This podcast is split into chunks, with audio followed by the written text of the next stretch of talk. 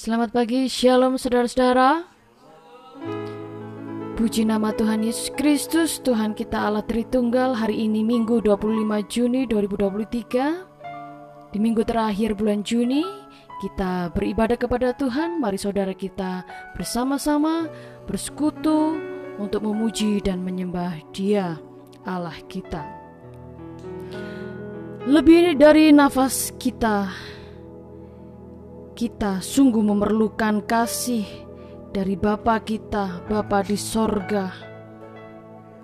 Mari kita serukan pujian ini untuk mengawali ibadah kita. Lebih dari nafasku.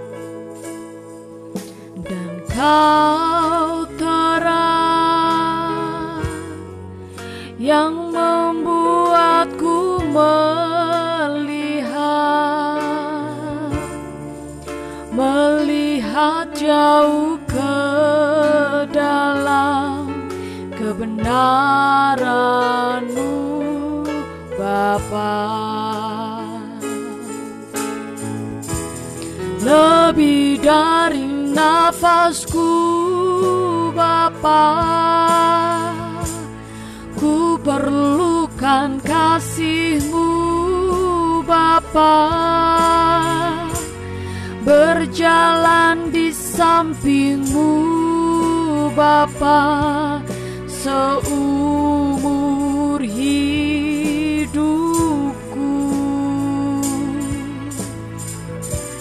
Lebih dari nafasku Bapa. Ku perlukan kasihmu Bapa.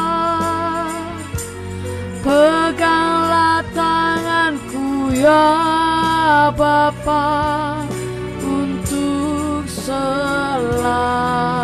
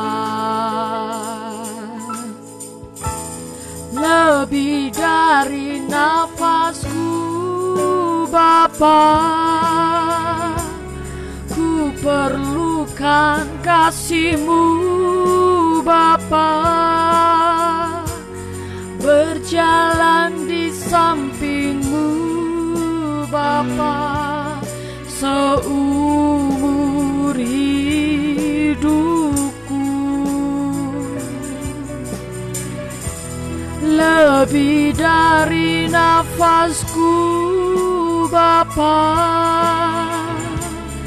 Ku perlukan kasihmu Bapa. Peganglah tanganku ya Bapa untuk selamanya. Lebih dari nafasku Bapa lebih dari nafasku Bapa. Ku perlukan kasihmu Bapa. Berjalan di sampingmu Bapa. Seumur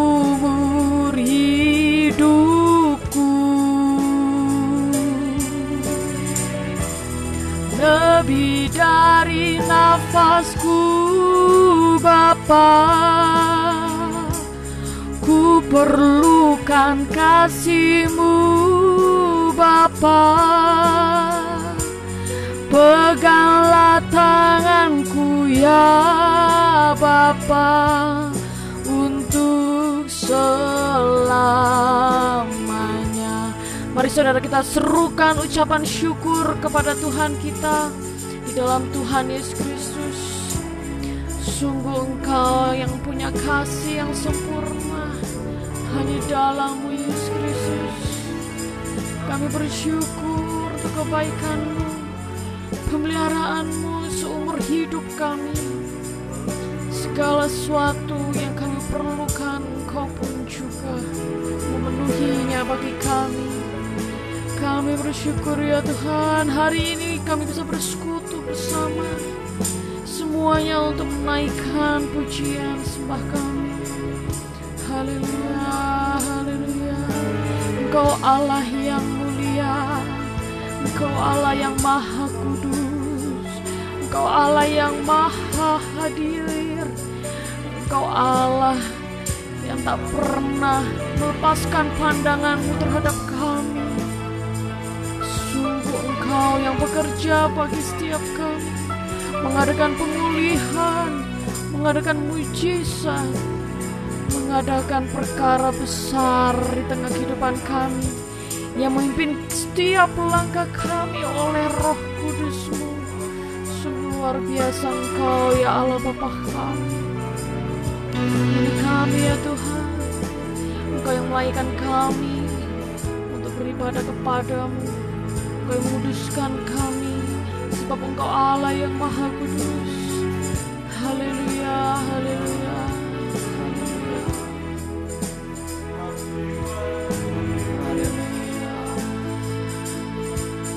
Terima kasih Bapak kami rindu sumber hidup kami.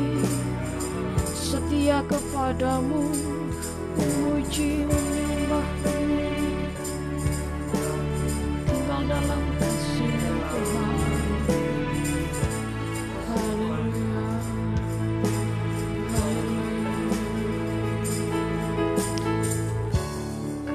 Bapak Ciftari dipersilakan untuk memimpin ibadah ini di dalam doa.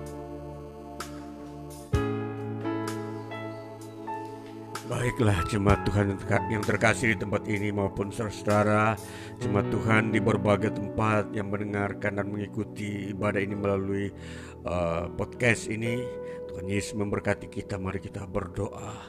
Ya Bapa, kepadamu kami datang dan hanya kepadamu sajalah kami datang dan memandang, menyembah dan beribadah. Kepadamu saja Tuhan Yesus Kristus panjang umur hidup kami. Kami beribadah dan memuliakan namamu yang kudus dan agung mulia. Tiada nama lain yang lebih uh, berkuasa daripada namamu Tuhan Yesus di bawah kolong langit ini. Bahkan sampai kepada kekekalan engkau berkuasa. Namamu masyur, engkau yang menghakimi segala bangsa dan segala umat manusia. Itulah sebabnya kami datang bersyukur. Kami beribadah kepadamu. Kami meninggikan namamu yang kudus. Firmanmu kami dengar dan kami melakukannya. Kami tunduk dan membawa hidup kami doa-doa kami kepadamu Bapa. Maka ibadah kami kami awali ini di dalam nama Tuhan Yesus Kristus. Maka Tuhan maka turunlah Anugerah Tuhan dari surga atas kami memberkati ibadah kami hari ini dari awal pertengahan sampai pada kesudahannya. Maka kami memulai ibadah ini dalam nama Tuhan Yesus Kristus. Haleluya. Amin. Mari saudara kita bangkit berdiri, kita serukan bahwa kita dipilih dari segala bangsa untuk menjadi umatnya yaitu Yesus Kristus.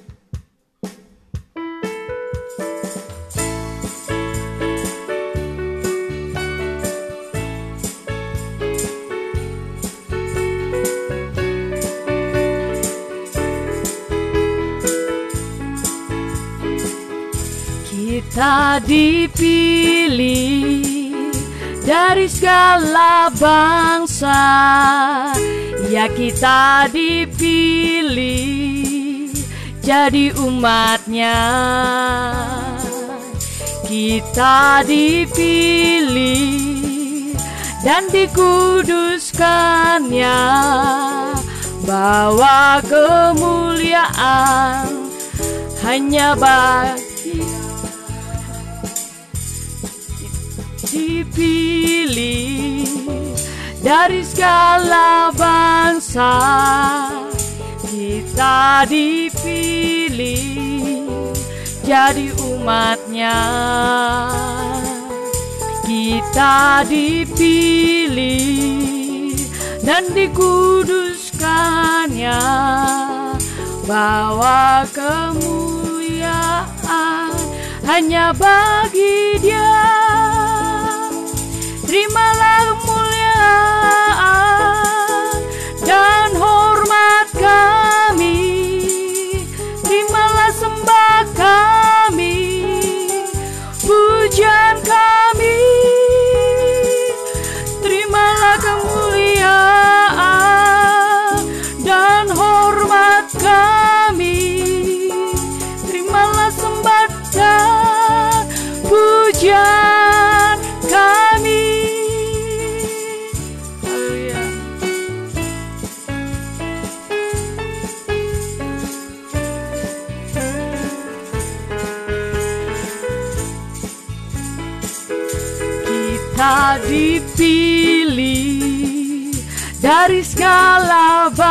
Ya kita dipilih jadi umatnya.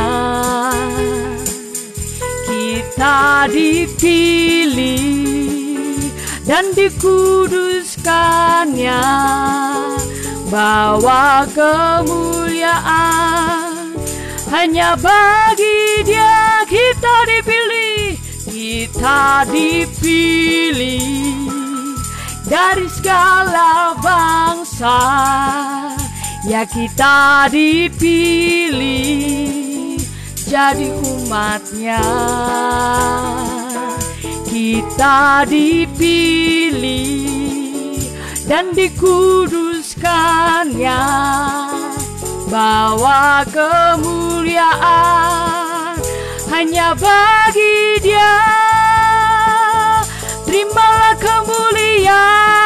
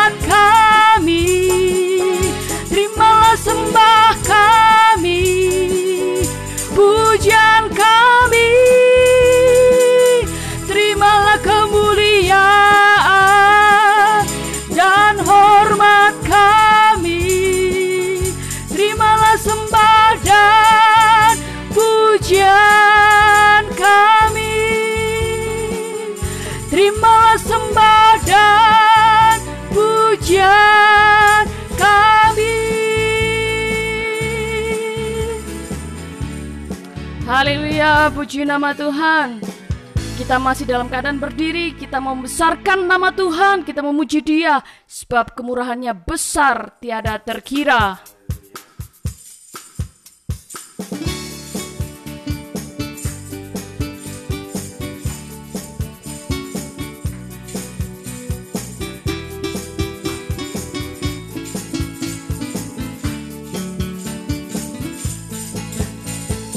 Besarkan nama Tuhan, pujilah Dia.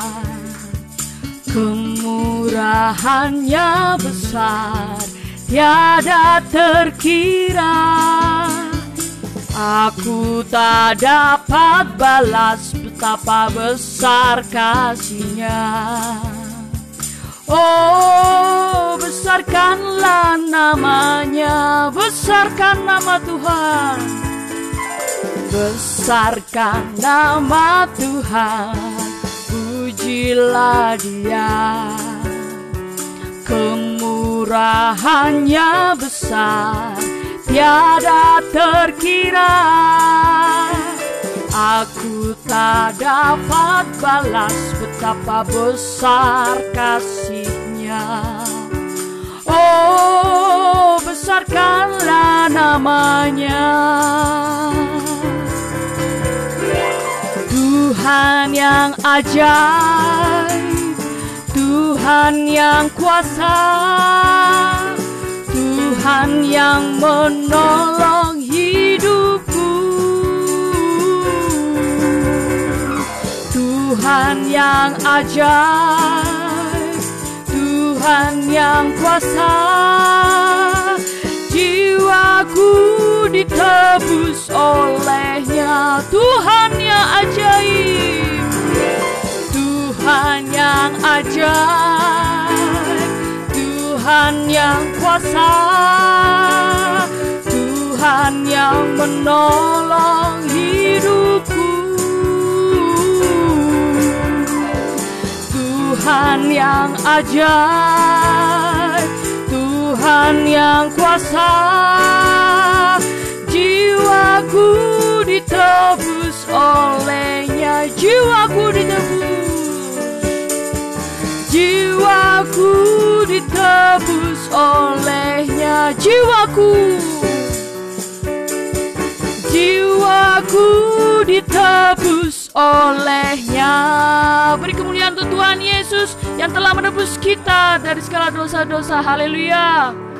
Saudara-saudara dipersilakan untuk duduk kembali.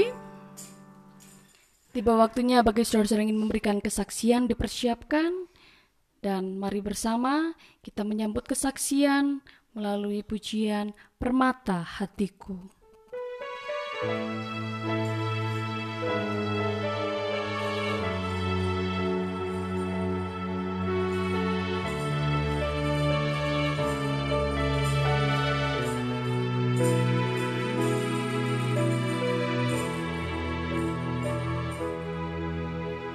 Dengan segenap hati dan jiwaku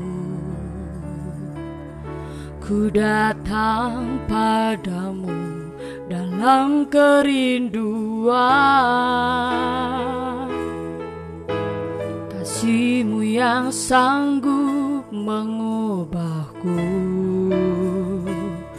Dan menguatkanku dalam pengharapan.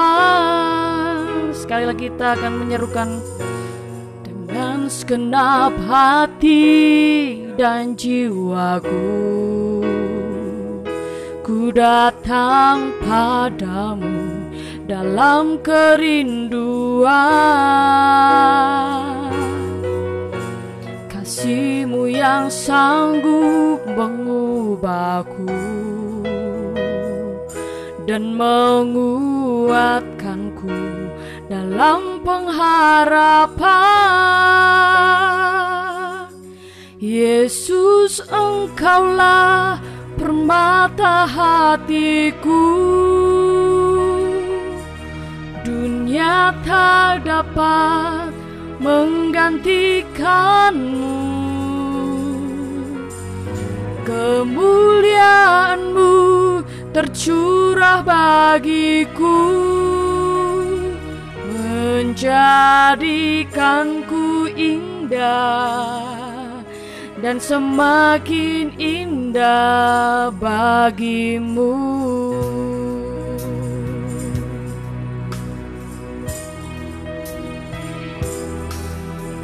Dengan segenap hati dan jiwaku Ku datang padamu dalam kerinduan.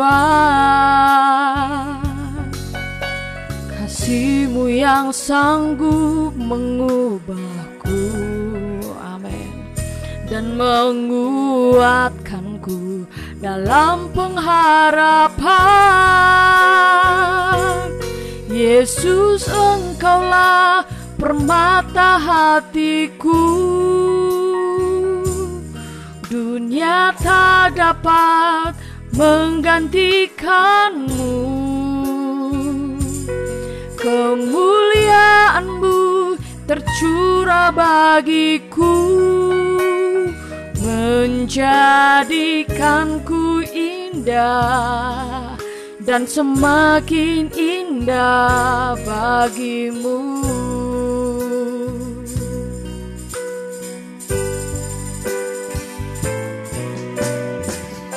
Engkaulah permata hatiku. Dunia tak dapat menggantikanmu. Kemuliaanmu tercurah bagiku Menjadikanku indah Dan semakin indah bagimu Menjadikanku indah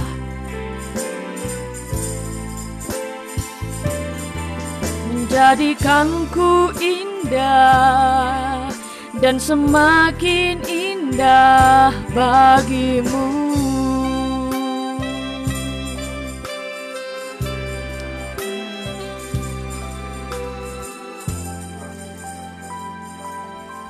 Kepada saudara-saudara yang ingin memberikan kesaksian, dipersilahkan. Ya Bapak, Pendeta Jeff Tari, Ya, shalom saudara-saudaraku yang terkasih. Hari ini saya ingin uh, menceritakan sebuah uh, bagian-bagian uh, dari pelayanan kami, pelayanan saya. Ya, dua minggu yang lalu uh, Tuhan Tuhan Yesus memanggil salah satu jemaat yang kami layani di sidoarjo ya. Ya, beliau ini memang uh, Tuhan sudah membuat proses pembaruan dan pemulihan dari sebuah penyakit yang bertahun-tahun dialaminya.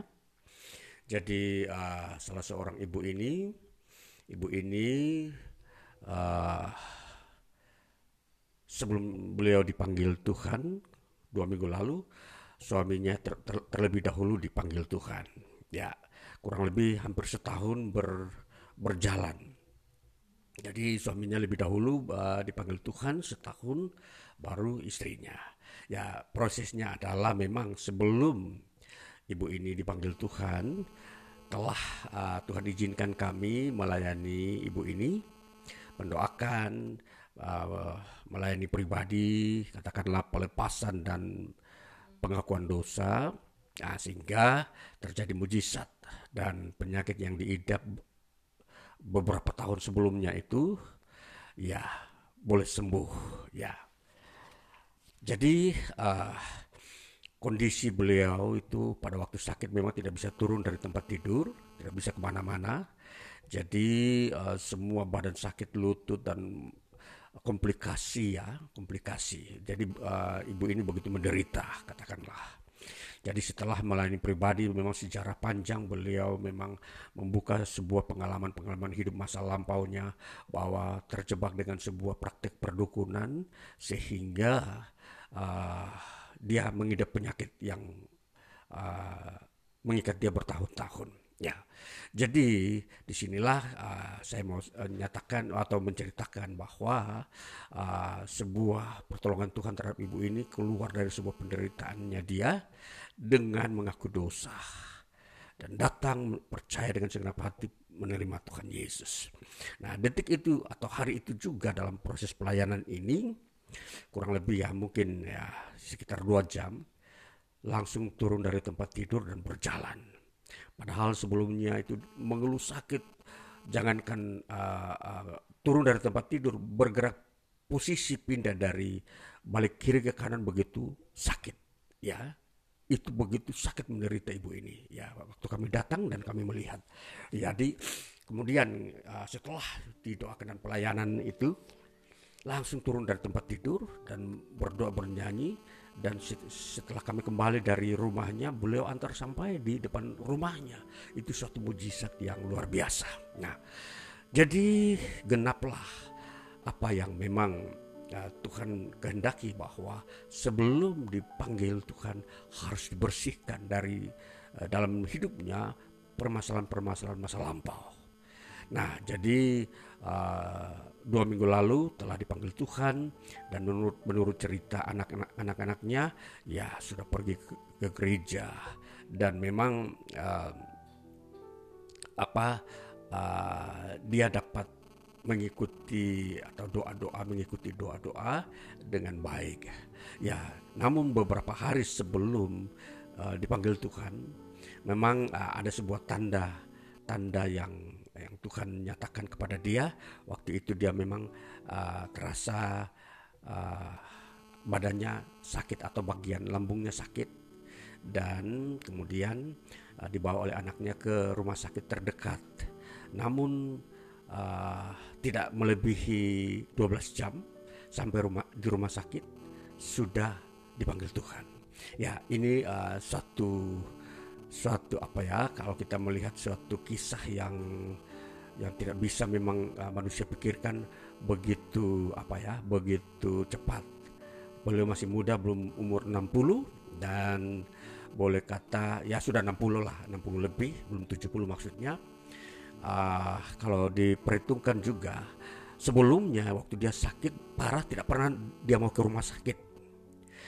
Di diajak oleh orang atau anaknya mari kita ke dokter. Dia tidak mau ke rumah sakit tidak mau Nah itulah sesuatu keunikan dan ketika dia sakit hanya sakit sedikit di lambungnya anaknya bawa ke dokter dia mau.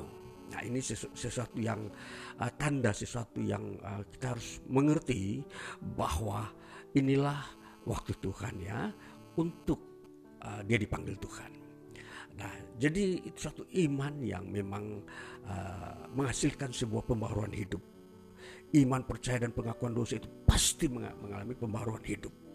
Nah, sehingga kalau kita melihat janji Tuhan ini, maka kita patut melihat bahwa mengikuti firman Tuhan, janji Tuhan, kita beroleh hidup, beroleh selamat, beroleh kebahagiaan. Dan inilah satu kesaksian bahwa ini uh, uh, kisah perjalanan hidup orang-orang yang uh, telah mengalami pertobatan dan pengakuan dosa. Tuhan Yesus memberkati. Haleluya. Amin.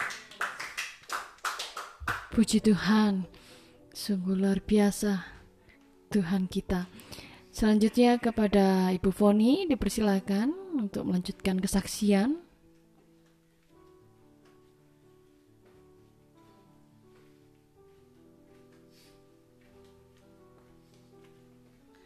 Shalom, saudara-saudara. Sungguh Tuhan Yesus kita luar biasa. Dia ajaib, uh, berkarya dalam setiap kehidupan kita. Di sini saya patut bersyukur dan berterima kasih atas kasih setia dan kemurahan Tuhan. Tuhan memberi keluarga bagi saya, keluarga yang sangat uh, sayang dan mengasihi kepada saya.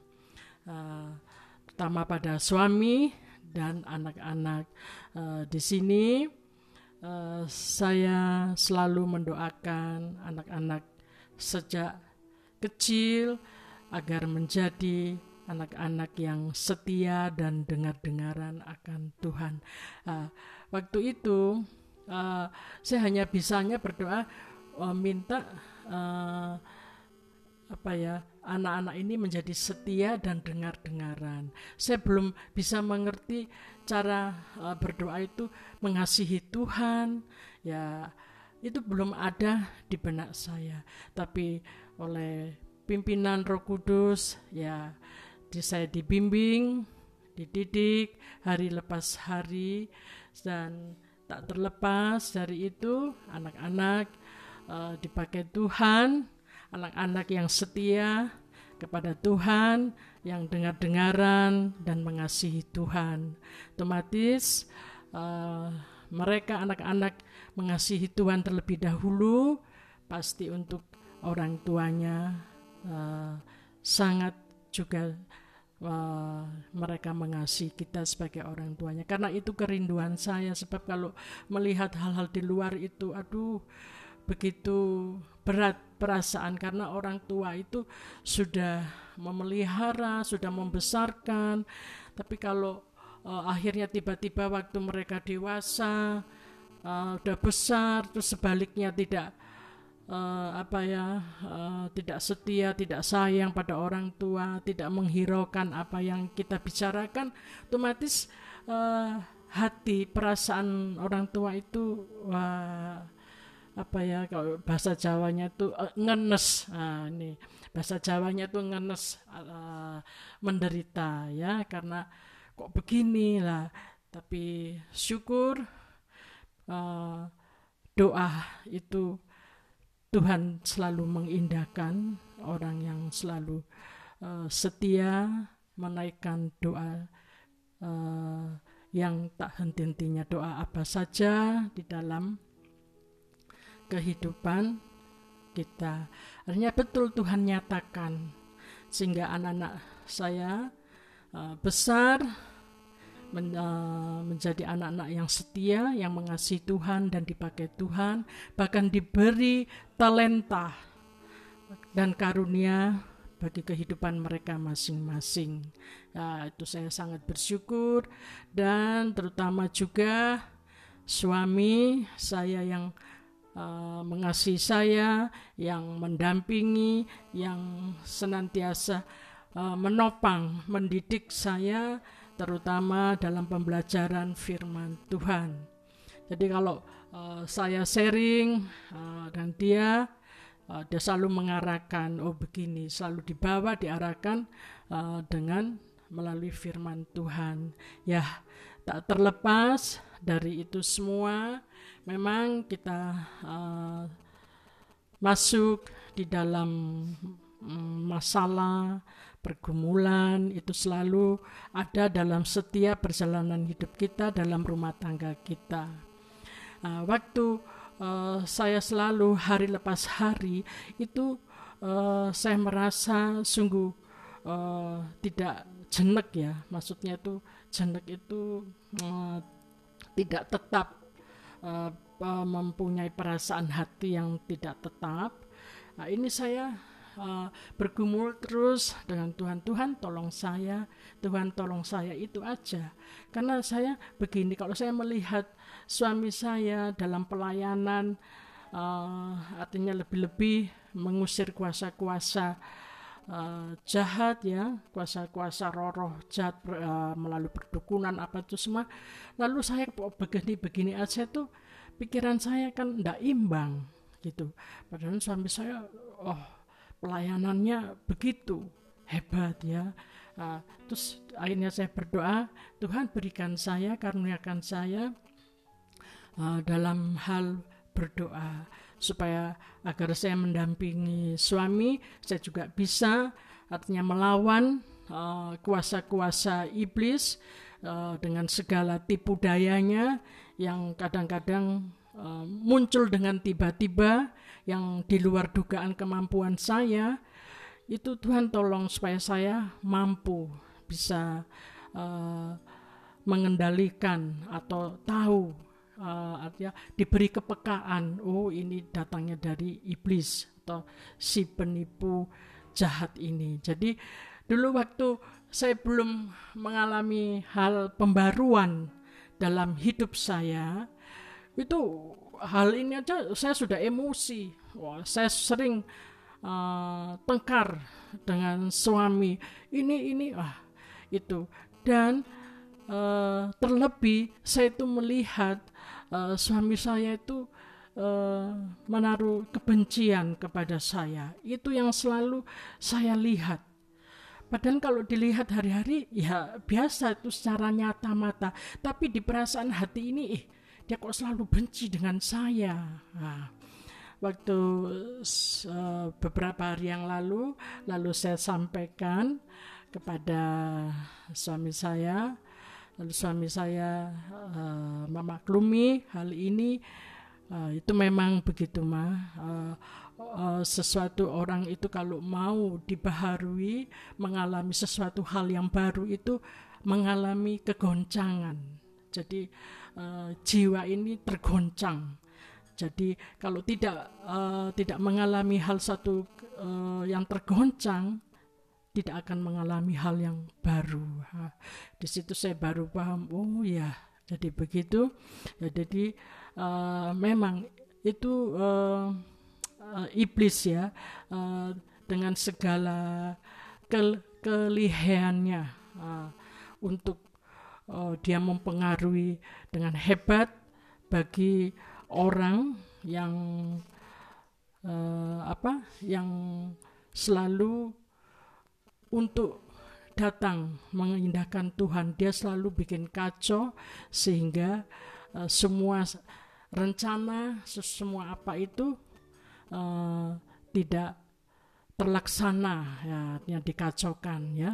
Nah, jadi akhirnya dari situ saya merasakan sungguh pertolongan Tuhan itu ajaib dalam uh, kehidupan saya dan hari lepas hari saya mengalami suatu pembaruan dalam kehidupan saya ya ini kesaksian saya kiranya uh, menjadi berkat bagi saudara-saudara yang lain.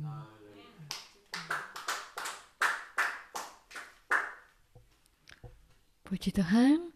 Selanjutnya saudara-saudara kita akan bersama-sama melanjutkan pembacaan pada kitab Yeskiel pasal 25 ayat 1 hingga 17. Mari kita baca bersama-sama saudara Yeskiel 25 ayat 1 hingga 17. 1, 2, 3. Nubuatan-nubuatan melawan bangsa-bangsa. Nubuatan melawan Bani Amon. Datanglah firman Tuhan kepadaku. Hai anak manusia, tujukanlah mukamu kepada Bani Amon dan bernubuatlah melawan mereka. Katakanlah kepada Bani Amon, dengarlah firman Tuhan Allah. Beginilah firman Tuhan Allah. Oleh karena engkau menyerukan syukur mengenai tempat kudusku, waktu kekudusannya dilanggar, dan mengenai tanah Israel, waktu itu dijadikan sunyi sepi, dan mengenai kaum Yehuda, waktu mereka harus pergi ke dalam pembuangan. Oleh sebab itu, sungguh aku menyerahkan engkau kepada orang dari sebelah timur menjadi miliknya. Mereka akan mendirikan perkemahannya padamu dan membangun tempat kediamannya. Mereka akan memakan buah-buahanmu dan meminum susu ternakmu.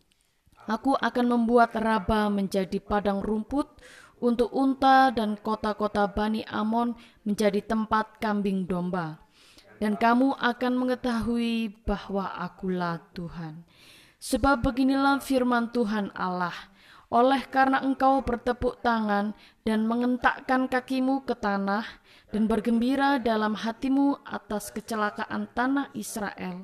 Oleh sebab itu, Sungguh aku akan mengacungkan tanganku melawan engkau dan menyerahkan engkau menjadi jarahan bagi suku-suku bangsa dan melenyapkan engkau dari tengah bangsa-bangsa dan membinasakan engkau dari negeri-negeri.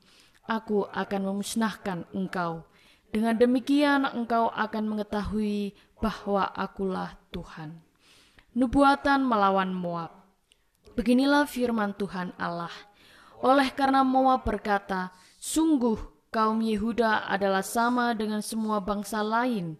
Oleh sebab itu, sungguh aku akan membiarkan dataran tinggi Moab terbuka dengan runtuhnya kota-kotanya, ya kota-kotanya tanpa terkecuali, yaitu kepermaian negeri itu, Bet Yesimot, Baal Meon, dan Kiryataim Aku akan menyerahkan dia bersama Bani Amon kepada orang dari sebelah timur menjadi miliknya, supaya Bani Amon jangan diingat-ingat lagi di antara bangsa-bangsa. Aku akan menjatuhkan hukuman kepada Moab, dan mereka akan mengetahui bahwa akulah Tuhan. Nubuatan melawan orang Edom. Beginilah firman Tuhan Allah oleh karena Edom membalaskan dendam kesumat terhadap kaum Yehuda dan membuat kesalahan besar dengan melakukan pembalasan terhadap mereka, oleh sebab itu beginilah firman Tuhan Allah. Aku akan mengacungkan tanganku melawan Edom dan melenyapkan daripadanya manusia dan binatang dan aku membuatnya menjadi reruntuhan dari Teman sampai Dedan, mereka akan mati rebah oleh pedang. Aku akan melakukan pembalasanku terhadap Edom dengan tangan umatku Israel. Dan mereka akan mempermalukan Edom selaras dengan murkaku dan amarahku. Dan mereka akan mengetahui bahwa akulah yang membalas. Demikianlah firman Tuhan Allah. Nubuatan melawan orang Filistin. Beginilah firman Tuhan Allah. Oleh karena orang Filistin membalaskan dendam kesumat dan di dalam kegembiraannya atas kecelakaan Israel melakukan pembalasan dengan melakukan pembinasaan karena rasa permusuhan yang turun-temurun. Oleh sebab itu, beginilah firman Tuhan Allah. Sungguh, aku akan mengacungkan tanganku melawan orang Filistin dan melenyapkan orang Kreta dan membinasakan yang lain-lain di tepi pantai laut. Aku akan melakukan pembalasan yang kejam terhadap mereka disertai penghajaran-penghajaran kemarahan dan mereka akan mengetahui bahwa akulah Tuhan pada waktu aku melakukan pembalasanku terhadap mereka. Demikian pembacaan kitab Yeskiel pasal 25 Selanjutnya kita akan mendengarkan penyampaian firman Tuhan oleh Bapak Pendeta Ciftari. Mari saudara, kita menyambut firman Tuhan melalui pujian Tuhan kaulah pengharapanku.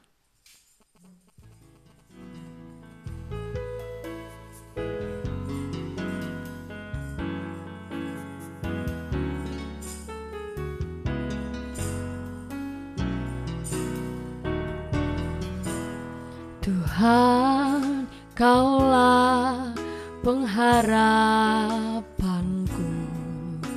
Ku percaya hanya kepadamu. Yesus, kaulah perlindunganku. Engkau yang selalu ku puji. Tuhan kaulah pengharapanku. Ku percaya hanya kepadamu. Yesus kaulah perlindunganku. Engkau yang selalu ku puji Mulutku penuh dengan pujian. Kepadamu ya Yesus Tuhan. Sepanjang hari ku beri penghormatan kepadamu ya Allahku mulutku mulutku penuh dengan pujian. Kepadamu ya Yesus Tuhan. Sepanjang hari ku beri penghormatan kepadamu ya Allahku. Sepanjang hari sepanjang hari ku beri penghormatan kepadamu ya Allahku Dipersilakan kepada Bapak Pendeta Tari untuk menyampaikan firman Tuhan dan berdoa.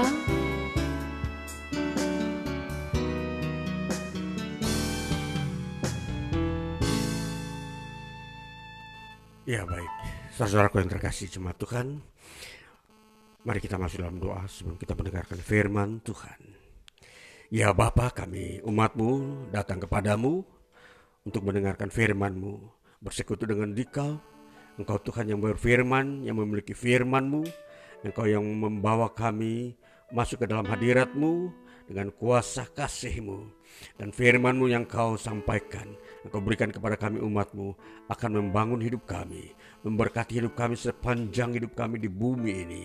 Dan sampai kepada masa di mana kami bersekutu dengan Kristus Yesus di masa yang kekekalan.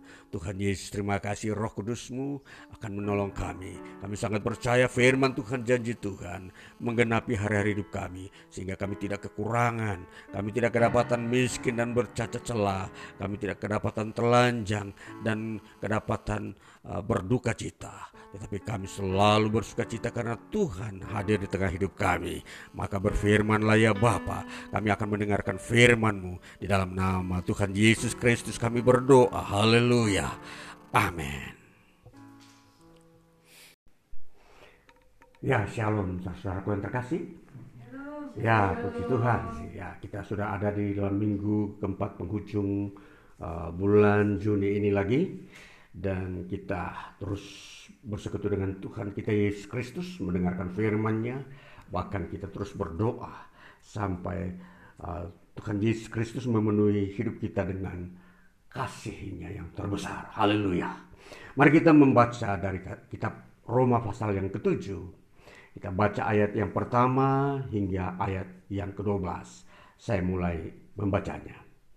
Arti hukum Taurat apa kamu tidak tahu, saudara-saudara? Sebab aku berbicara kepada mereka yang mengetahui hukum, bahwa hukum berkuasa atas seseorang selama orang itu hidup. Sebab seorang istri ter terikat oleh hukum kepada suaminya selama suaminya itu hidup. Akan tetapi apabila suaminya itu mati, bebaslah ia dari hukum yang mengikatnya kepada suaminya itu. Jadi selama suaminya hidup, ia dianggap berzina kalau ia menjadi istri laki-laki lain. Tetapi jika suaminya telah mati, ia bebas dari hukum sehingga ia bukanlah berzina kalau ia menjadi istri laki-laki lain. Sebab itu saudaraku, kamu juga telah mati bagi hukum Taurat oleh tubuh Kristus supaya kamu menjadi milik orang lain yaitu milik dia yang telah dibangkitkan dari antara orang mati, agar kita berbuah bagi Allah. Sebab waktu kita masih hidup di dalam daging, hawa nafsu dosa yang dirangsang oleh hukum Taurat bekerja dalam anggota-anggota tubuh kita agar kita berbuah bagi maut. Tetapi sekarang kita telah dibebaskan dari hukum Taurat sebab kita telah mati bagi Dia yang mengurung kita sehingga kita sekarang melayani dalam keadaan baru menurut roh dan bukan dalam keadaan lama menurut menurut huruf hukum Taurat. Jika demikian, apakah yang hendak kita katakan? Apakah hukum Taurat itu dosa? Sekali-kali tidak. Sebaliknya, justru oleh hukum Taurat aku telah mengenal dosa. Karena aku juga tidak tahu apa itu keinginan kalau hukum Taurat tidak mengatakan jangan mengingini. Tetapi dalam perintah itu dosa mendapat kesempatan untuk membangkitkan di dalam diriku rupa-rupa keinginan. Sebab tanpa hukum Taurat dosa mati. Dahulu aku aku hidup tanpa hukum Taurat. Akan tetapi sesudah datang perintah itu, dosa mulai hidup. Sebaliknya aku mati. Dan perintah yang seharusnya membawa kepada hidup, ternyata bagiku justru membawa kepada kematian. Sebab dalam perintah itu, dosa mendapat kesempatan untuk menipu aku. Dan oleh perintah itu, ia membunuh aku. Jadi hukum Taurat adalah kudus dan perintah, perintah itu juga adalah kudus, benar dan baik. Ya. Demikian bagian pembacaan firman Tuhan bagi kita di hari ini. Uh, Saudara-saudaraku yang terkasih, firman Tuhan ini terus kita uh, bergulat di dalamnya, artinya kita ingin melihat kelengkapan seluruh isi firman Tuhan. Itulah sebabnya di dalam bagian ibadah ini uh, di dalam khusus channel yang uh, saya melayani firman Tuhan saat ini di mana channel ini bernama JKI Duta Injil DAO.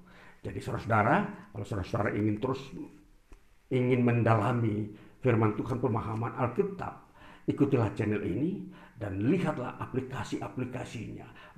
Bagaimana konsep-konsep teologi Alkitabiah kita bisa menemukannya dan mem, uh, memperbarui hidup membangun iman. Inilah yang menjadi target bahwa kita ingin berkenan kepada Tuhan melalui firman-Nya. Ya, baik saudara-saudaraku yang terkasih, bagian firman Tuhan ini yang kita telah baca, saya bawa kita dalam sebuah uh, sorotan tema yang saya beri uh, tema ini adalah rahasia permasalahan manusia. Saudaraku yang terkasih, kalau kita mau berbicara tentang kehidupan manusia berdasarkan konsep pewahyuan yang ada dalam Alkitab, maka tentunya kita akan dapat mengerti bahwa manusia adalah makhluk yang tidak pernah dilepaskan dari permasalahan. Ya, jadi ini kita harus tahu kuncinya. Jadi setiap orang di dunia ini siapa pun zamannya era masa lampau katakanlah kalau masa lampau ribuan tahun yang lalu katakanlah kita mulai dengan penciptaan pertama Adam dan Hawa mereka telah diliputi oleh permasalahan jadi uh, kita berbicara manusia yang hidup di dunia ini kita tidak bisa melepaskan dia dari apa yang disebut permasalahan ya jadi kita mau melihat dulu di sini saya akan mau membawa kita untuk mau mengerti, mau melihat rahasia permasalahan manusia ini. Artinya apa? Kita mau mengerti kenapa manusia ini dijuluki sebagai manusia yang penuh dengan masalah. Ya nanti aplikasinya nanti, tapi kita mau melihat dulu kenapa manusia selalu dihimpit atau didatangi dengan masalah. Nah, ini yang kita uh, mau memperdalam uh, pemahaman kita berdasarkan wahyu dalam Alkitab. Jadi wahyu Alkitab membuka rahasia uh, kondisi manusia. Jadi jangan kita mau dibodohi atau di, disa, uh, disalahkan atau dibuat uh, salah oleh konsep berpikir kita bahwa ada manusia yang tidak punya masalah. Tidak. Semua orang di muka bumi semua mempunyai masalah. Dan ini yang harus kita mengerti ya. Jangan ada ada orang mending, aduh aku masalahnya aku berat, orang lain, aduh kok aku lihat kok dia bahagia seolah tidak ada masalah. itu sebuah kamuflase, sebuah kebohongan. Jadi kalau kita uh, melihat manusia, tahulah kita saudara-saudara bahwa kita semua ini sama, yaitu setiap orang mempunyai masalah. Ya, jadi perhatikan baik-baik. Jadi jangan kita mau menyombongkan diri terhadap orang lain yang punya katakanlah masalahnya besar. Lalu kita masalah kecil lalu kita uh, membanggakan diri. Tidak saudara, tidak boleh seperti itu. Kalau kita bersikap seperti itu, suatu waktu kita akan terjebak dengan sebuah masalah yang besar, maka kita baru sadar bahwa sesungguhnya semua manusia sama. Ya. Nah inilah yang kita mau melihat rahasia permasalahan manusia. Sekarang kita mau melihat, memperhatikan ya, kenapa sesuai pertanyaan, pertanyaan saya tadi bahwa bahwa kenapa manusia selalu dihimpit dengan masalah atau didatangi oleh masalah. Nah, saudara yang terkasih, kalau berdasarkan struktur wahyu yang kita baca, ya, kita baca dalam Alkitab dengan baik, kalau saudara uh, seorang pembaca Alkitab dengan uh, yang uh, membaca Alkitab dengan baik, yang teratur, saudara akan menemukan bahwa permasalahan manusia itu sejak penciptaan sampai hari ini bahkan sampai besok itu uh, terjadi karena ada apa? Karena ada makhluk lain yang kita sebut iblis. Alkitab menyebutnya adalah iblis. Nah, kita mem memperhatikan bahwa sebelum Tuhan menciptakan manusia di bumi, ya, telah terjadi gejolak, konflik di surga, di mana malaikat memberontak terhadap Tuhan Allah. Nah, itulah sebabnya malaikat-malaikat yang memberontak terhadap Tuhan Allah ini berjumlah sepertiga dari semua jumlah malaikat yang Tuhan ciptakan di surga. Tidak disebutkan berapa jumlahnya, berapa juta, berapa miliar malaikat yang menentang Tuhan. Tetapi di totalitas disebutkan sepertiga jumlah malaikat yang diciptakan oleh Tuhan telah memberontak menentang Allah pencipta. Nah, jadi kita harus memperhatikan struktur ya, sistematika di dalam wahyu yang dalam Alkitab ini sebuah rahasia yang semua orang uh, kalau tidak membaca Alkitab tidak mengerti. Kalau semua orang tidak mempelajari Alkitab mereka tidak tahu rahasia ini. Bahwa sesungguhnya ada iblis yang telah member atau ada makhluk malaikat yang uh, dipimpin oleh uh, Lucifer yang disebut iblis ini dia telah melawan Allah. Nah, inilah rahasia kuncinya. Berarti bahwa kalau sudah terjadi di surga pemberontakan itu sebuah dosa. Sudah bermunculan mulai di surga. Jadi bumi ini sebuah efek. Jadi di surga kalau sudah terjadi pemberontakan, maka Tuhan Allah mengusir iblis pimpinan malaikat ini yang disebut Lucifer ini ya, yang Tuhan ciptakan dia tertinggi daripada para malaikat lainnya.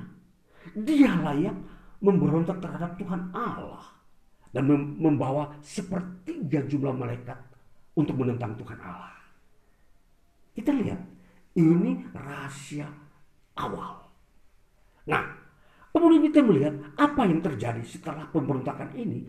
Tuhan Allah mengusir uh, Lucifer ini bersama sepertiga malaikat itu keluar dari sorga. Dan ke mana mereka perginya? Mereka ada di sebuah alam yang di mana di situ uh, dikatakan ruang hampa.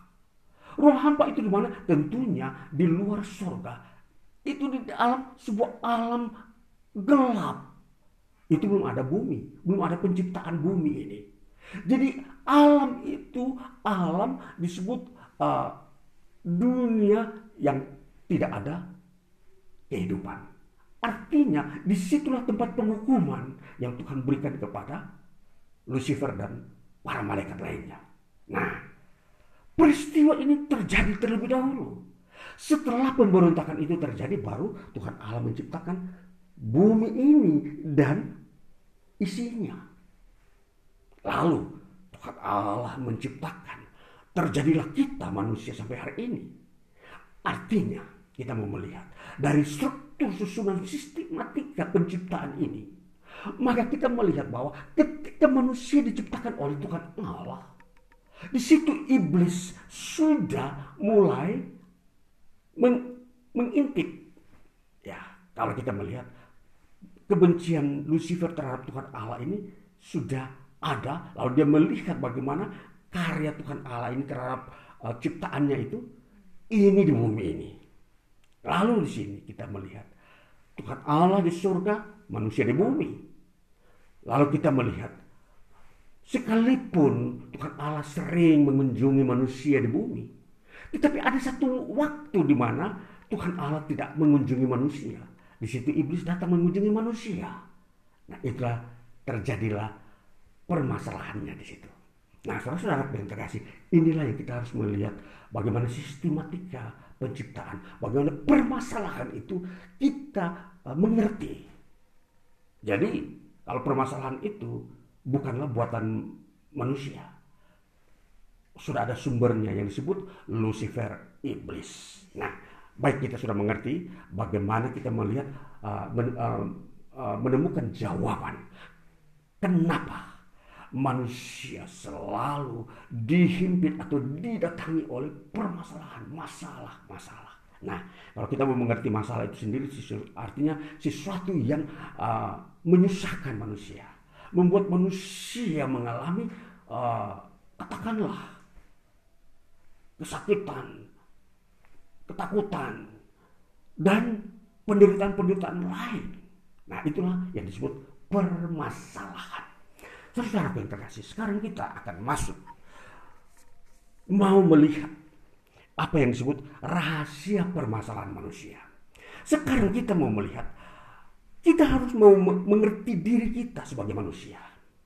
Bahwa masalah yang menjadi inti atau yang menjadi pokok yang harus kita pikir, pikirkan adalah bahwa dosa itu sudah ada di dalam diri manusia. Ya, ini yang harus kita mengerti. Maka rahasia permasalahan manusia itu tidak ada di tempat lain. Itu di dalam diri setiap orang. Jadi saudara, jadi kalau ada sahabat saudara mempunyai masalah, jangan saudara tertawa. Atau saudara mengejek, ah dia punya masalah. Sebentar lagi saudara punya masalah karena setiap masalah itu akan datang. Jadi kita harus mengerti bahwa bahwa permasalahan ini adalah semua orang akan dapati, akan uh, miliki atau akan uh, menjadi bagian kehidupannya. Nah, jadi kalau kita mau melihat ini, itu kita merumuskannya, Alkitab merumuskannya sebagai dosa yang ada dalam diri manusia. Jadi uh, kita semua sebagai manusia harus sadar bahwa semua manusia sama, sekalipun dia keturunan ningrat, dia keturunan raja, dia keturunan uh, hartawan, jutawan, semua. Tidak ada seorang pun yang terluput dari masalah. Penyakit itu masalah.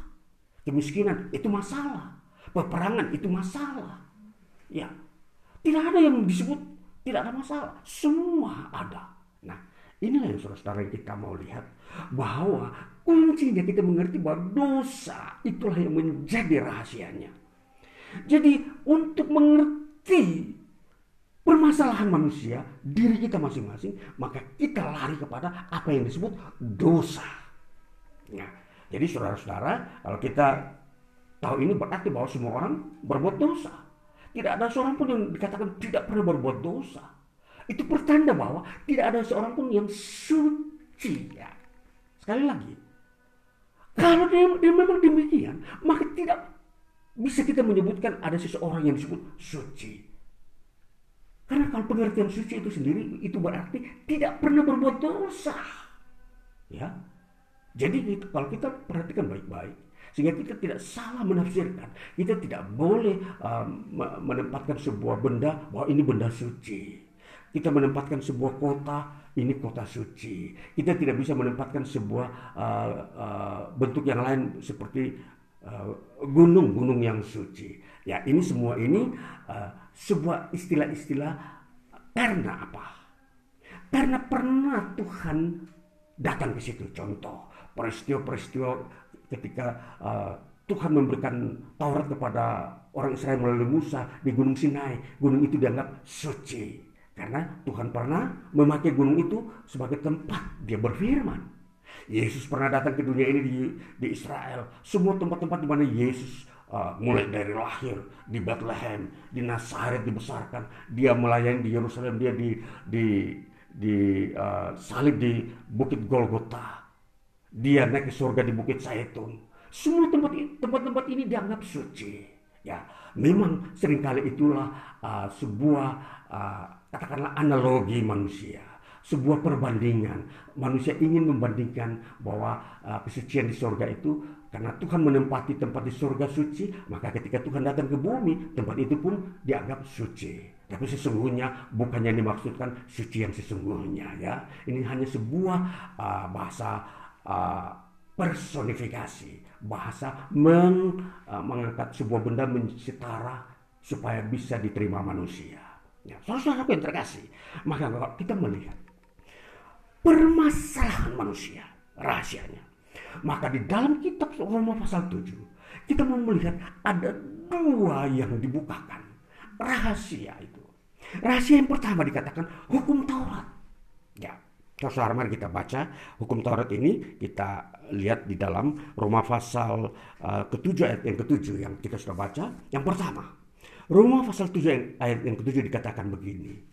Jika demikian, apakah yang hendak kita katakan? Apakah hukum Taurat itu dosa? Sekali-kali tidak. Sebaliknya justru oleh hukum Taurat aku telah mengenal dosa. Ya.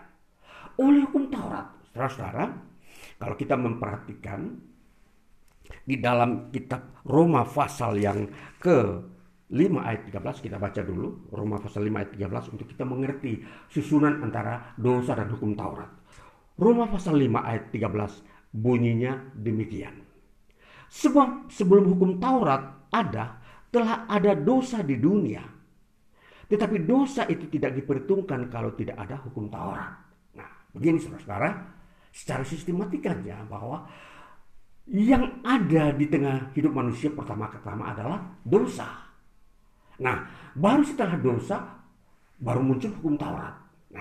Hukum Taurat ini dikatakan ayat 13 dikatakan begini, tetapi dosa itu tidak diperhitungkan kalau tidak ada hukum Taurat. Nah, jadi begini, dosa yang manusia lakukan sebelum munculnya hukum Taurat, itu dikatakan oleh Paulus itu tidak diperhitungkan.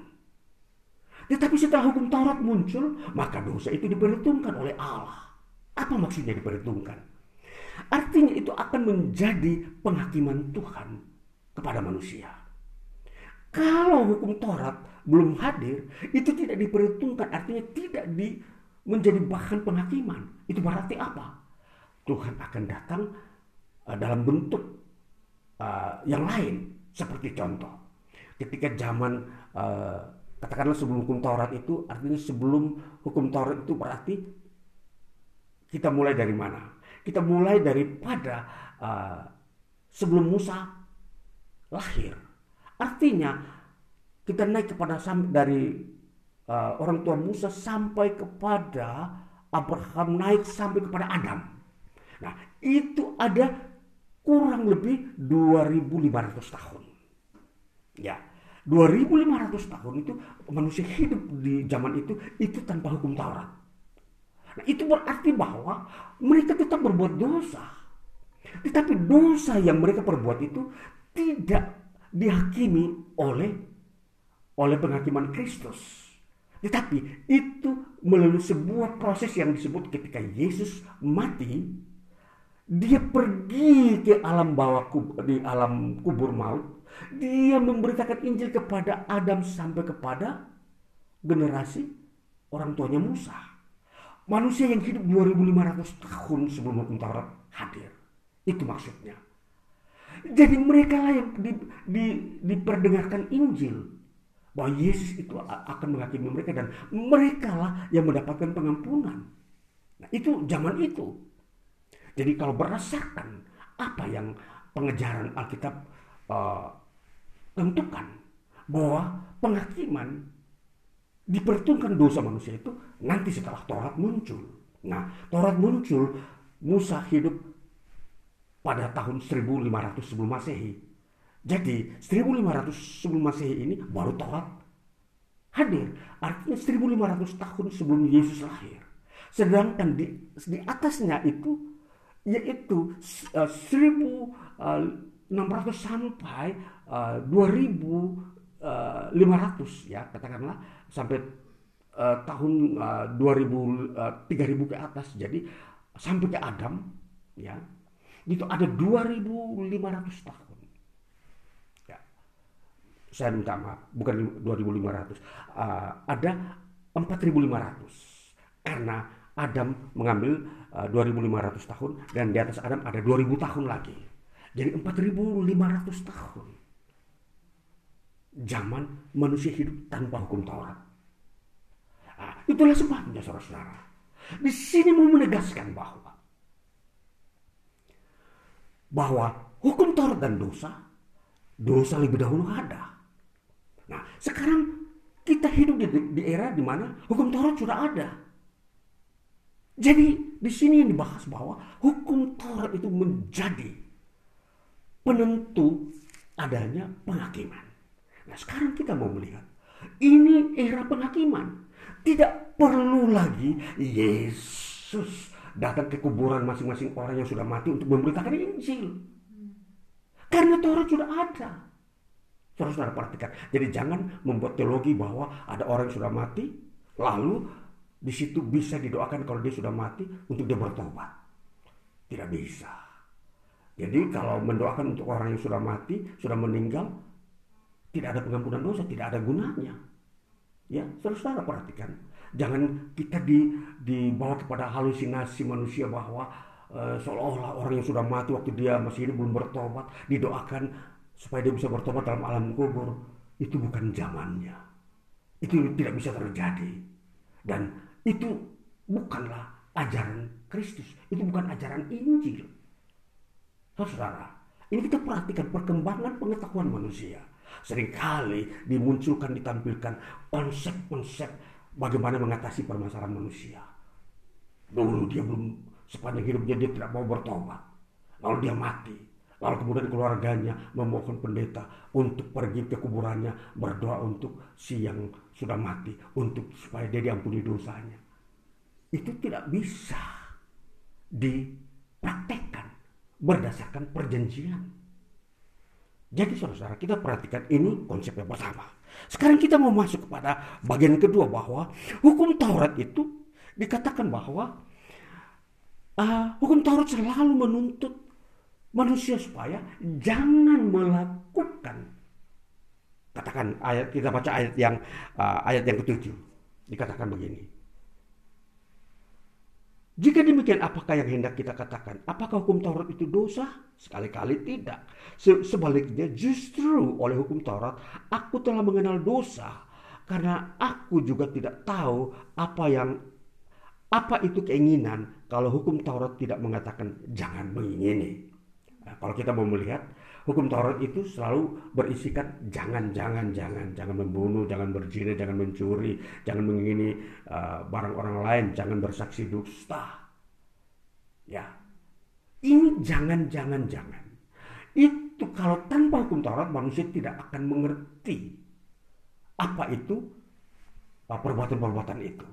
Ya, itulah sebabnya Paulus mengatakan dalam kesaksiannya bahwa pengalaman hidupnya bahwa justru mengenal hukum Taurat uh, mempelajarinya dan mengetahuinya menuntut manusia melakukannya justru manusia bertambah dosa manusia bertambah melanggar hukum yang dia pelajari.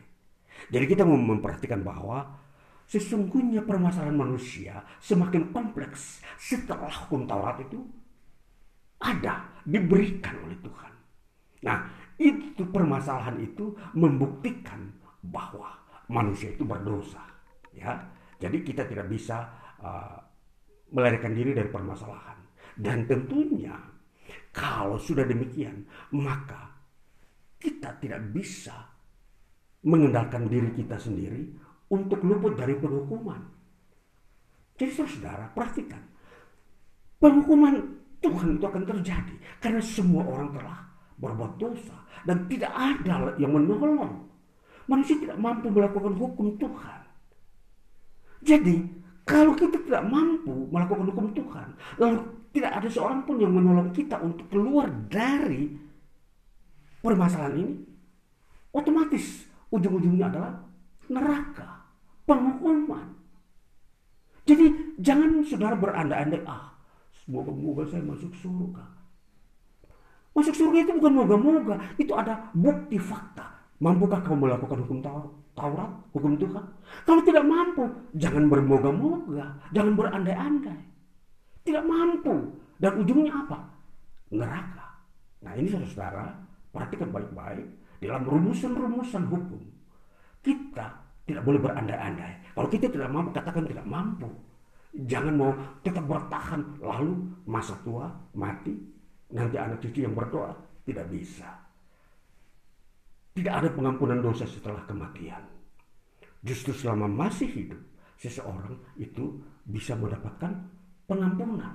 Saudara, kalau kita baca dari kitab uh, Roma pasal 7 dari ayat pertama sampai 12 ini kita sudah melihat ilustrasi-ilustrasi bagaimana sistem pernikahan seseorang istri terikat dengan suaminya selama suaminya hidup tapi setelah suaminya mati istrinya itu merdeka dia bebas dari uh, ikatan uh, dari suaminya dan dia bisa lagi menikah dan dia tidak disebut berzina. Ini sebuah hukum, namun ini sebuah gambaran ilustrasi yang dipakai oleh Paulus untuk menghubungkan kita manusia dengan hukum Taurat dan Kristus. Hukum Taurat itu sudah mati. Jadi dia tidak bisa mengikat kita dan kita berhak diambil oleh Kristus. Dan kita menjadi milik Kristus. Inilah yang disebut bahwa permasalahan yang ada dalam manusia itu karena dikatakan apa? Hukum Taurat itu dia mengikat dan bersifat dia menjajah. Maka di sinilah permasalahannya muncul. Tetapi Kristus sifatnya bukan menjajah.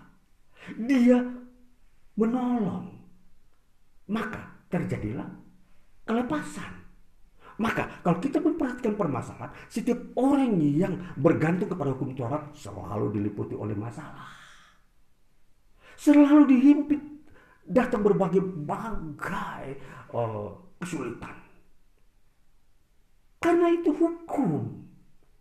Ya, kita perhatikan hukum Taurat dikatakan demikian. Jadi hukum Taurat itu bukanlah penolong. Tapi dia sebagai penjajah mendatangkan dosa dan membuat manusia bertambah ber, berbuat dosa. Sekalipun hukum Taurat itu kudus dan tidak berdosa, tetapi hukum Taurat itu bukan sifatnya penolong, tetapi uh, sebagai perangsang manusia untuk berbuat dosa. Apa? Karena hukum Taurat berkata jangan, Jangan tetapi kita melawannya. Kita tidak bisa mengikuti kata jangannya dia. Manusia tidak mampu mengikuti kata janganlah kamu membunuh. Janganlah kamu mencuri. Janganlah kamu berzina. Janganlah kamu berdusta. Jangan, jangan, jangan. Itu. Jadi, kalau kita mau uh, berani menipu diri kita, kita akan berkata, oh saya mampu melakukan hukum. Tidak bisa saudara. Itu saudara menipu diri sendiri. Tidak akan mampu. Mungkin saudara masih muda, katakan masih bisa. Nanti saudara umur tua akan juga tidak akan mampu. Jadi saudara-saudara, hidup ini kita harus memperhitungkan bahwa kehidupan kita di dunia ini janganlah pikul beban sendiri. Kalau ada penolong, datanglah kepada dia. Yesus datang sebagai penolong. Kembali saudara-saudara. Yang kedua permasalahan hukum Taurat. Hukum Taurat bukan saja mengungkapkan jangan mengingini. Tetapi dia bersifat rohani. Kita baca ayat yang ke-14. Ayat 14 yang kita belum baca tapi kita ambil dari sini dikatakan. Sebab kita tahu bahwa hukum Taurat adalah rohani. Tetapi aku bersifat daging terjual di bawah kuasa dosa.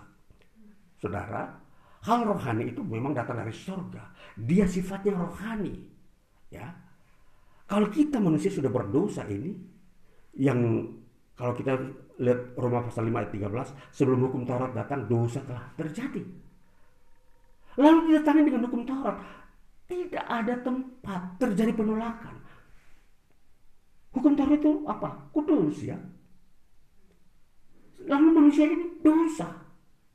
Bagaimana tempatnya dia? Dia tidak mempunyai tempat. Itulah sebabnya dikatakan manusia tidak bisa menerima hukum Taurat dalam hidupnya.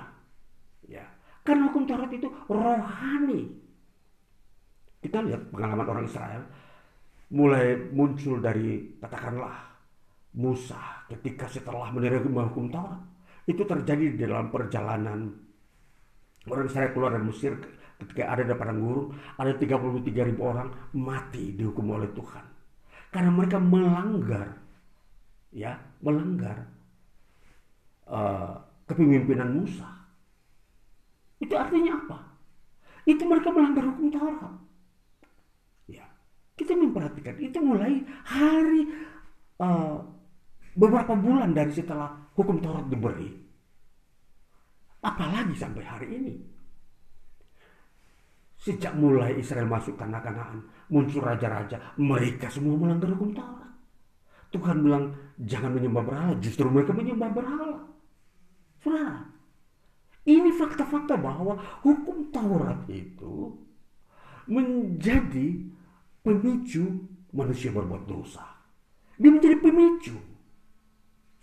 Jadi perhatikan jangan anggap hukum Taurat itu sesuatu yang uh, sesuatu yang uh, bisa menolong manusia.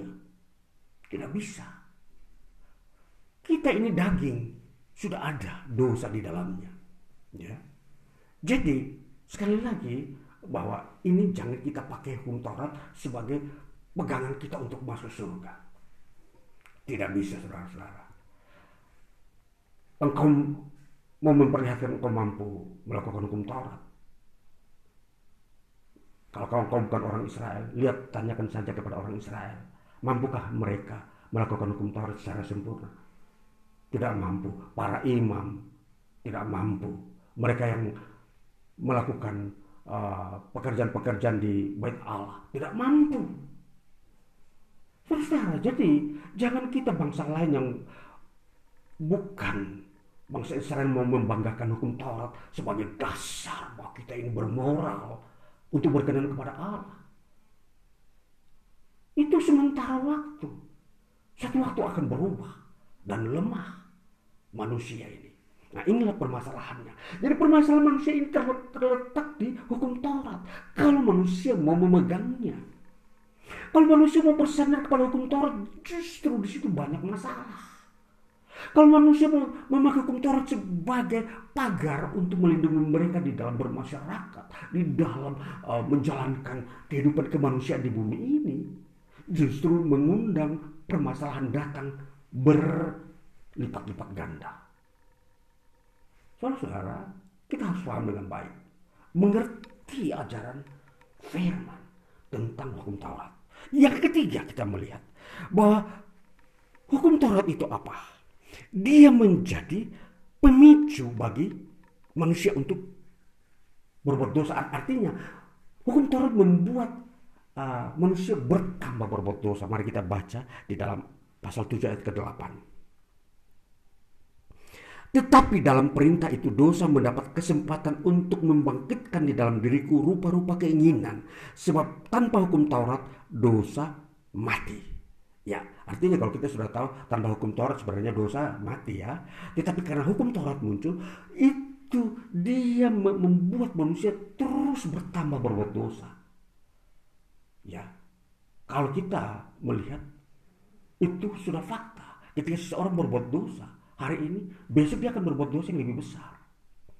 Besok lagi bertambah, bertambah, bertambah dan bukan saja uh, kualitasnya, jumlahnya kualitas dan kuantitasnya itu selalu beriringan. Kalau kualitas dia itu mempunyai uh, apa namanya sifat uh, dosanya itu semakin uh, apa namanya uh, ter, terbuka lebar. Katakanlah dia membunuh satu orang, dia membunuh perlahan-lahan. Besoknya dia membunuh secara fakta, secara mengerikan. Kemudian setelah membunuh satu orang, dia membunuh dua orang, tiga orang, dan seterusnya berkembang secara kuantitas jumlah.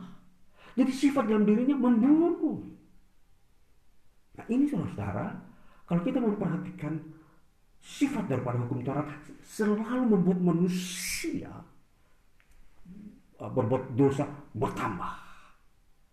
Nah, saudara-saudara perhatikan, jadi di sini biangnya sumbernya permasalahan manusia. Jadi hukum Taurat ini itu membuat manusia secara general melakukan hal yang sama. Mereka melihat orang katakan di orang Indonesia melihat orang Eropa berbuat dosa. Tidak lama akan terwujud dosa itu di Indonesia. Ya. Orang yang berbuat dosa do, 100 tahun yang lalu setelah dia menonton dia akan melihat dia akan melakukannya pada saat ini. Itulah sifatnya hukum Taurat. Nah, lalu kita mau melihat lagi yang keempat. Sifat daripada hukum Taurat itu membawa kematian. Kita baca pasal 7 ayat 10. Kita melihat dulu ini sifat-sifat daripada hukum Taurat. Ya, ayat 10 kita baca. Sebaliknya aku mati dan perintah yang seharusnya membawa kepada hidup ternyata begitu ternyata bagiku justru membawa kepada kematian. Ya, yang kita harapkan adalah hidup. Tetapi justru hukum Taurat membawa manusia kepada kematian. Apa yang terjadi? Berarti apa? Sesuatu yang buruk, bermasalah. Jadi kita pahami baik-baik bahwa hukum Taurat ini beginilah sifatnya. Inilah menjadi tumpuan masalah. Mengapa kita harus tetap mau tetap mempertahankan hidup dengan model seperti ini? Hidup tinggal dengan masalah. Yesus datang untuk membawa kita keluar dari masalah. Maka kalau Yesus sudah datang tampil sebagai penolong manusia untuk keluar dari masalah, mengapa kita tidak mau menerimanya? Saudara, ini sebuah sebuah informasi, sebuah penyataan, menyatakan Allah menyatakan posisi hukum Taurat seperti itu. Jadi kita harus tahu benar-benar hukum Taurat itu sifatnya seperti itu. Jadi kalau saudara bertahan kepada dengan hukum Taurat, saudara akan diperhadapkan dengan masalah. Tapi kalau saudara tetap tidak mau keluar dari hukum Taurat, masalah itu itu akan menghimpit saudara sampai kematian. Tidak pernah pun saudara mengalami sebuah sesuatu yang baik. Masalah terus datang. Tentunya kalau kita melihat masalah yang akan uh, menimpa manusia, penyakit. Ya, penyakit itu akan datang silih berganti. Kedua, peperangan Peperangan itu pasti akan muncul dan ini akan menjadi pemicu munculnya penyakit juga. Ketiga, kemiskinan. Kalau sudah terjadi seperti itu juga peperangan akan menimbulkan kemiskinan. Baru yang keempat, kelaparan. Kalau sudah kelaparan, apa yang menjadi solusi? Tidak ada yang membuat bahagia. Nah ini saudara perhatikan baik-baik. Saya sampaikan firman Tuhan ini bahwa Kristus Yesus datang sebagai penolong saudara-saudara, umat manusia seluruh umat manusia di muka bumi agar keluar dari permasalahan. Ini rahasianya. Maka permasalahan ini kita harus tahu benar-benar. Jangan pikir moga-moga tahun depan permasalahan saya hilang. Eh, kalau kamu memang datang kepada Yesus bisa, tapi kamu tetap di dalam hukum-hukum ini tidak akan pernah. Tidak bisa. Dan itu hukum memang sudah ada di dunia ini. Jadi, sudah mau keluar dari mana? Caranya dengan caramu sendiri. Cara manusia tidak bisa. Hanya pertolongan Tuhan, maka terjadi mujizat. Ketika Tuhan Yesus datang menolong seseorang, dia mengerjakan dengan mujizat keluar dari masalah. Saudara yang mampu mempunyai hutang, bisa Tuhan menolong. Saudara mempunyai penyakit, saudara bisa sembuh. Ini yang fungsi daripada kedatangan Yesus ke dunia ini, dia melepaskan semua uh, rahasia-rahasia permasalahan yang kamu tidak ketahui, yang manusia tidak ketahui. Begitu banyak masalah yang ada dalam hati dan pikiran manusia. Nah, itu saudara terkasih. Kita sudah melihat hukum Taurat. Sekarang kita mau memperhatikan sisi yang lain. Kita memperhatikan manusia. Itu kita memperhatikan tadi hukum Taurat. Sekarang kita melihat sisi yang lain, manusia itu sendiri. Kita melihat manusia, kita baca di dalam ayat pasal 7 ayat 5. Sebab waktu kita masih hidup di dalam daging, hawa nafsu dosa yang dirangsang oleh hukum Taurat bekerja dalam anggota-anggota tubuh kita agar kita berbuah bagi maut. Ini manusia. Manusia, kita memperhatikan manusia ini anggota tubuhnya ini. Anggota tubuh manusia itu, kalau kita memperhatikan uh, yang disebut katakanlah panca indera. Tetapi bagian-bagian dalamnya yang disebut pikiran dan keinginan. Pikiran dan keinginan itu anggota tubuh manusia juga.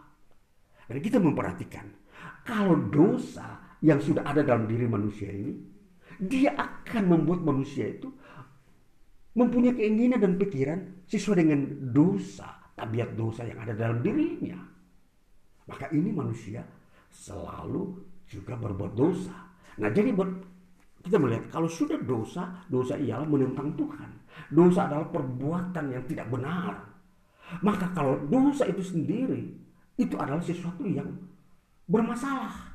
Bermasalah dalam dirinya. Dirinya dengan dirinya dan dirinya dengan Tuhan.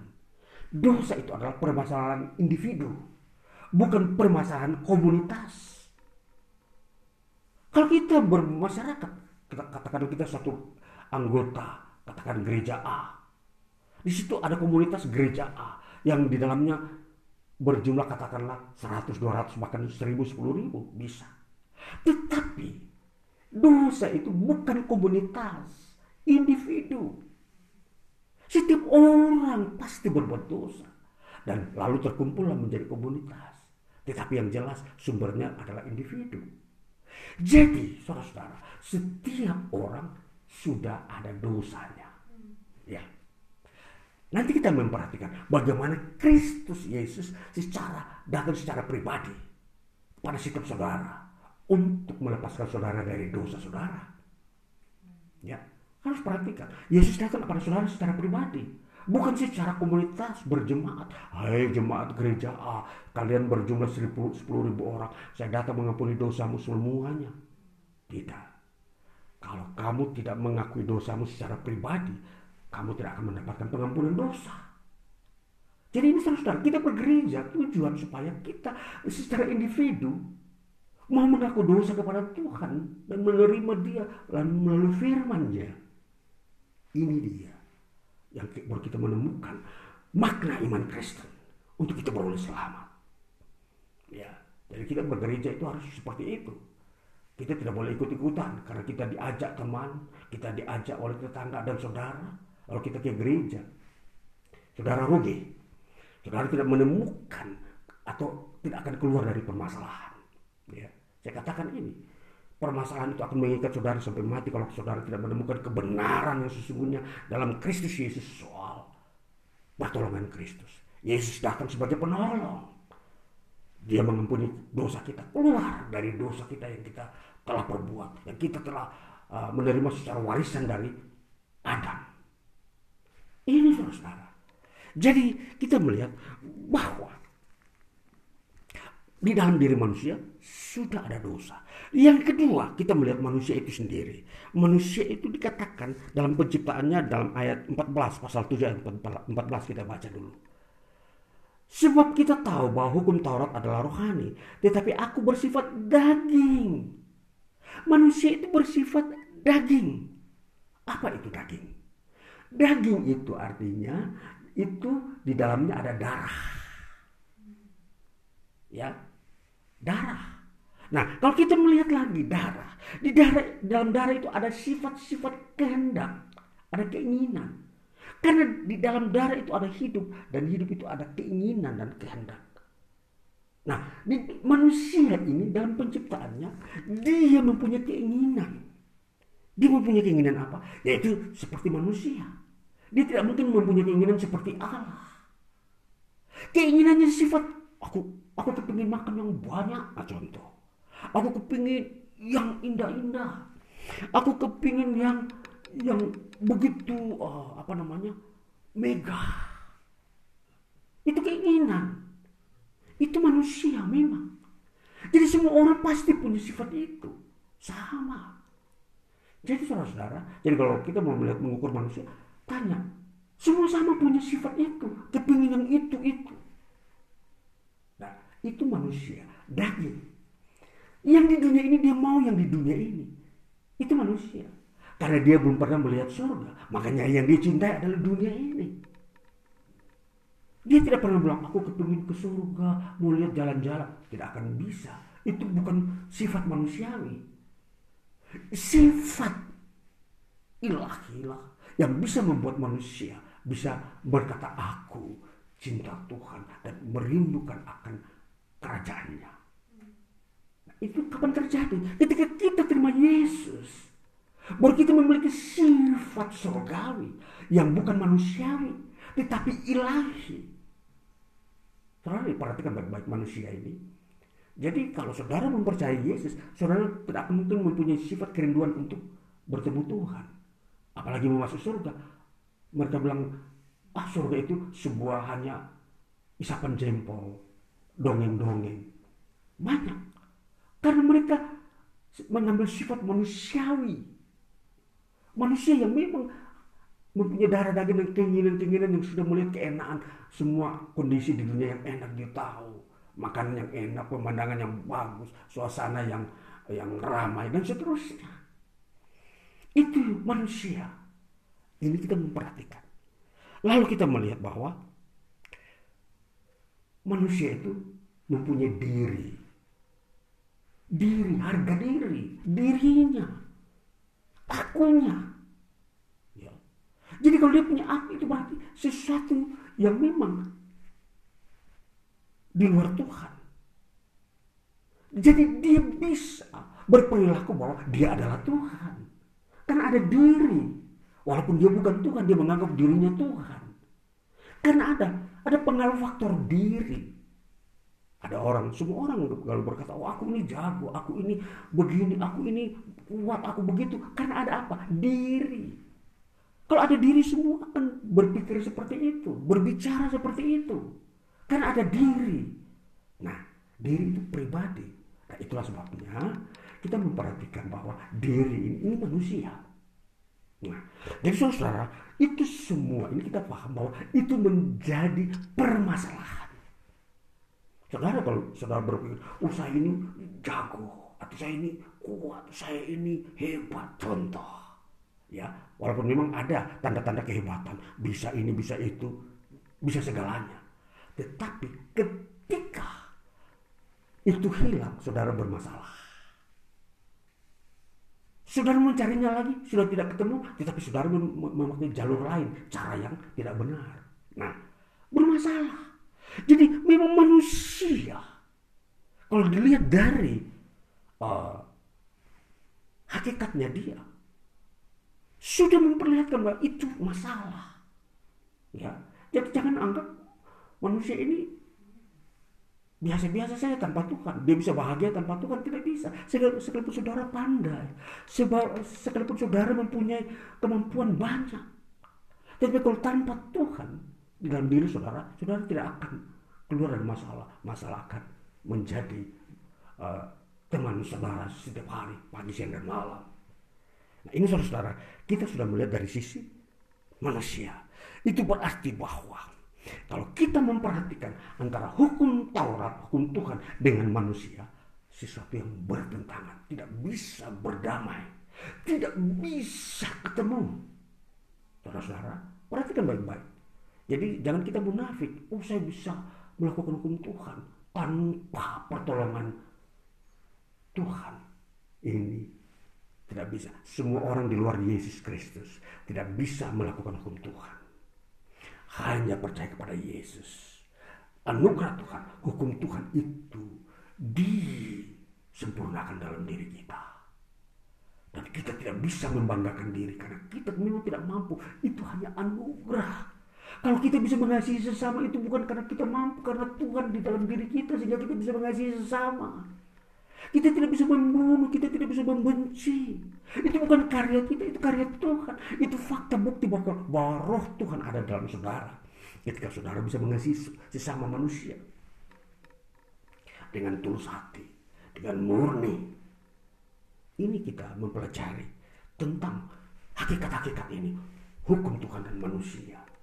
Dan kita saudara, mari kita memperhatikan bagaimana solusi dari semuanya ini. Kita baca Roma pasal 7 ayat 25. Bunyinya begini.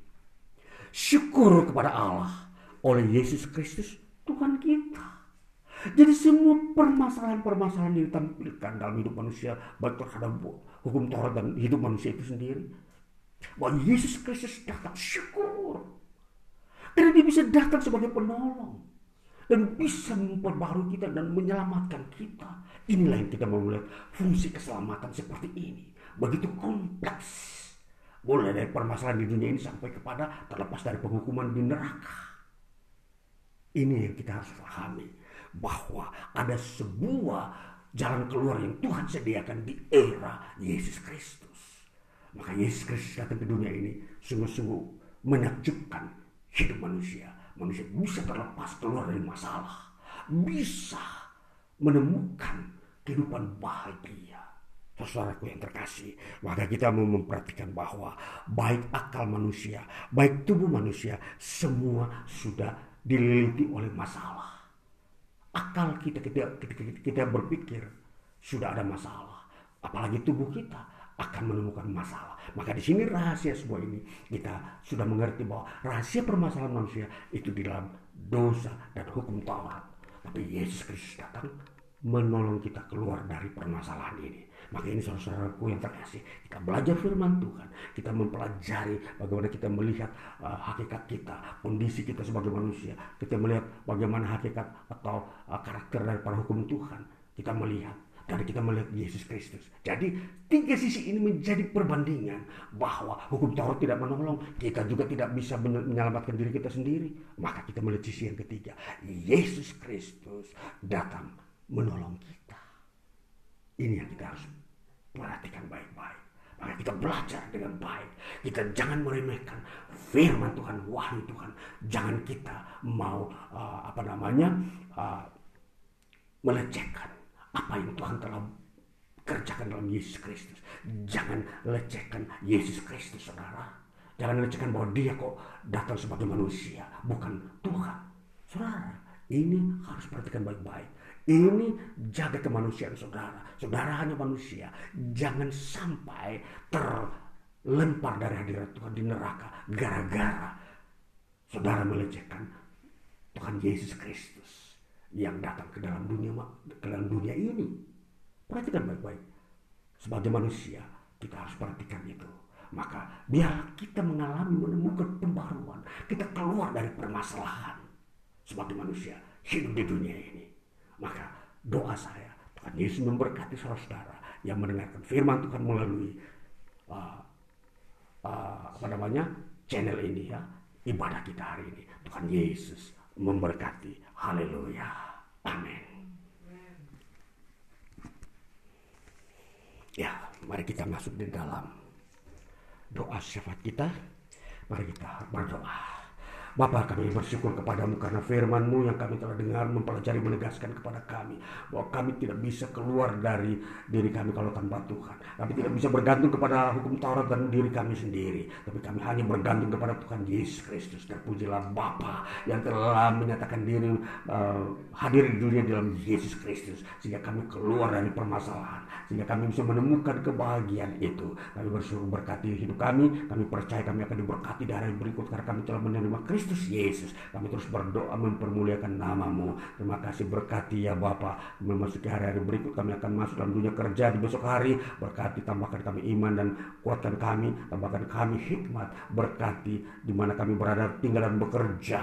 Di mana pun anak-anakmu umatmu bekerja. Hamba mendoakan mereka dalam nama Tuhan Yesus. Berkati mereka. Mereka di pegawai pemerintahan maupun swasta maupun wira swasta. Berkati ibu rumah tangga pelajar mahasiswa semua kami hamba berdoa untuk mereka berkati. Dan hari ini kami menemukan sebuah kehidupan baru, hidup di dalam kebenaran, percaya kepada Kristus Yesus. Itu yang menjadi uh, pusat kehidupan manusia yang ingin berbahagia. Kami bersyukur berkati bangsa kami, berkati lembaga gereja yang memberitakan Injil, supaya semua masuk dalam sebuah pewahyuan Tuhan sehingga bangsa ini ada di dalam berkatmu Bapa. Terpujilah Bapa dalam Yesus Kristus. Kami menyerahkan umatmu. Mereka yang sakit lemah disembuhkan. Mereka yang um, sedang memiliki permasalahan menemukan jalan keluar melalui firmanmu. Terima kasih Bapa. Maka turunlah anugerah dari surga kasih dari Allah Bapa. Persekutuan dengan, dengan Tuhan Yesus Kristus penghiburan roh kudus menyertai kami hari ini terus sampai selama-lamanya. Dan kami berdoa sesuai dengan apa yang Tuhan ajarkan.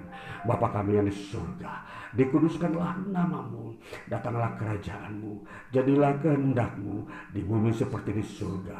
Berikanlah kami pada hari ini makanan kami yang secukupnya dan ampunilah kami akan kesalahan kami seperti kami juga mengampuni orang yang bersalah kepada kami. Dan janganlah membawa kami ke dalam pencobaan tetapi lepaskanlah kami daripada yang jahat karena engkau yang punya kerajaan kuasa dan kemuliaan sampai selama-lamanya Terima kasih Yesus. Terima kasih Yesus.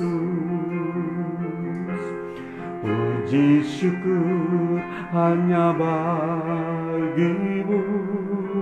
Ya Allahku Ya Tuhanku Terima kasih Yesus.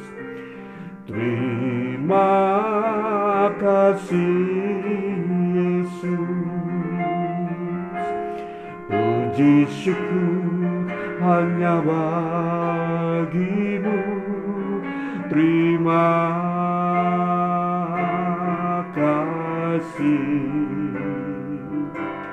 Yesus Bapak terima kasih untuk kasih firman berkatmu hari ini bagi kami. Dalam nama Tuhan Yesus Kristus kami berdoa dan bersyukur. Haleluya. Amin